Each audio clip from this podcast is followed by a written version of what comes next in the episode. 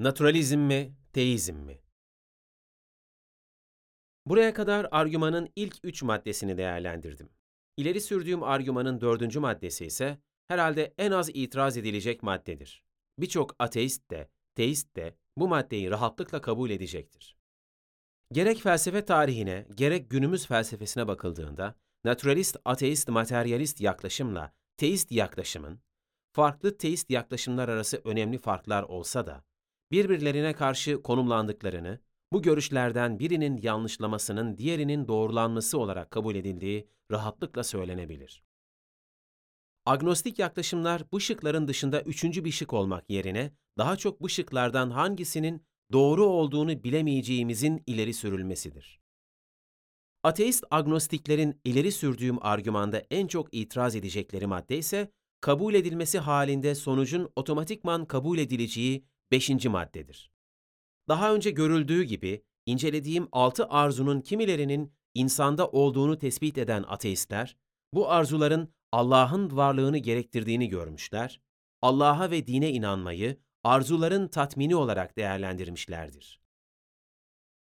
Oysa bu yaklaşım ancak naturalizmi baştan a priori doğru bir felsefe olarak kabul edersek geçerli olabilir. Bu baştan kabul bir kenara bırakıldığında, arzuların tatmini yaklaşımında bulunan ateistlerin en çok işlenen mantıksal hatalardan biri olan kökensel hatayı, yani genetik fallacy işledikleri anlaşılacaktır.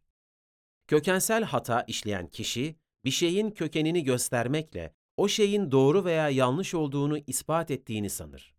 Kökensel hata, işleyen kişinin çıkardığı sonuç doğru veya yanlış olabilir ama akıl yürütme şekli yine de mantıksal olarak hatalıdır.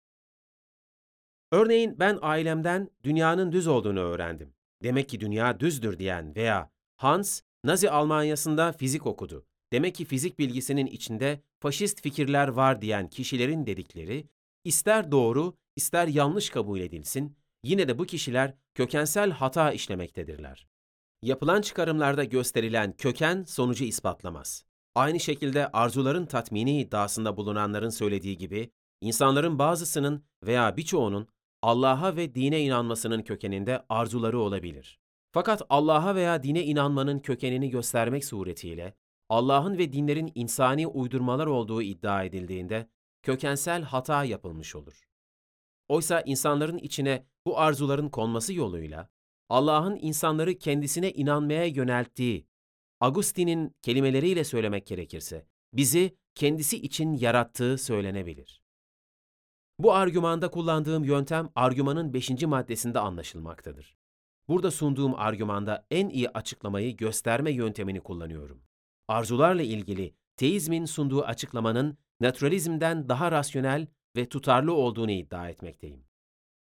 Tüme varım sorunu gibi felsefi sorunlar karşısında geliştirilmiş en iyi yaklaşımlardan biri, günlük hayatımızda ve bilimde kullandığımız bir yöntem olan mevcut alternatifler arasında en iyisini tespit etmeye çalışmaktır. En iyi açıklama olarak çıkarım yani inference to the best explanation, böylesi bir yaklaşımın bilim felsefesinde kullanılan adıdır. Birçok kişiye göre çok uç bir şüpheciliğin ifadesi olan tüme varım sorununa göre, yüksek bir yerden aşağı atladığımızda, düştüğümüzü yüzlerce kez deneyimlesek de, çekim yasası bunu gösterse de, bir kez daha aynı yerden atladığımızda düşeceğimizi ve çekim yasasının doğru olduğunu söylememize imkan yoktur. Bernard Russell'ın dediği gibi, eğer bu yönteme, tüme varım, güvenilmezse, yarın güneşin doğmasını beklememiz için bir nedenimiz yok demektir. Ekmeğin taştan daha besleyici olduğunu da, çatıdan kendimizi attığımızda düşeceğimizi de bekleyemeyiz. Kendimize doğru en yakın arkadaşımızın yaklaştığını gördüğümüzde, bu bedenin en kötü düşmanımız veya tamamen yabancı biri tarafından ele geçirilmediğini düşünebilmemiz için de bir dayanağımız kalmaz.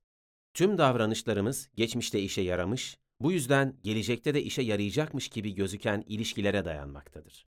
Bu işe yarayacakmış gibi gözükmenin geçerliliği ise tüme varım prensibine dayanmaktadır. Bilimin evrende doğa yasalarının varlığı gibi temel prensipleri de günlük yaşamdaki inançlarımız gibi tamamen tüme varım prensibine dayanmaktadır.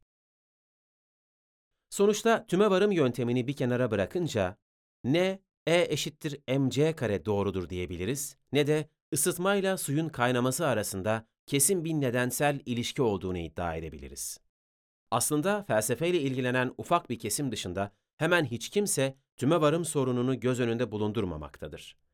Fizikçilerden E eşittir mc kare formülüne veya biyologlardan hücrelerde DNA'nın protein sentezinde önemli rol oynadığına, tümevarım sorunu yüzünden şüpheyle bakanı kolay kolay bulamazsınız. Felsefenin içindeki böylesi şüpheci yaklaşımları, bilim insanları göz önünde bulundurmadan, ciddiye almadan da denebilir. Çalışmalarını sürdürmektedirler.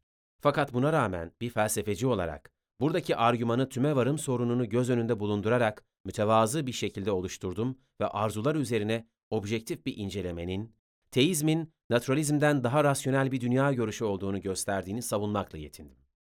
Yani daha temkinli bir yaklaşım olan en iyi açıklamayı, gösterme yöntemini benimsedim.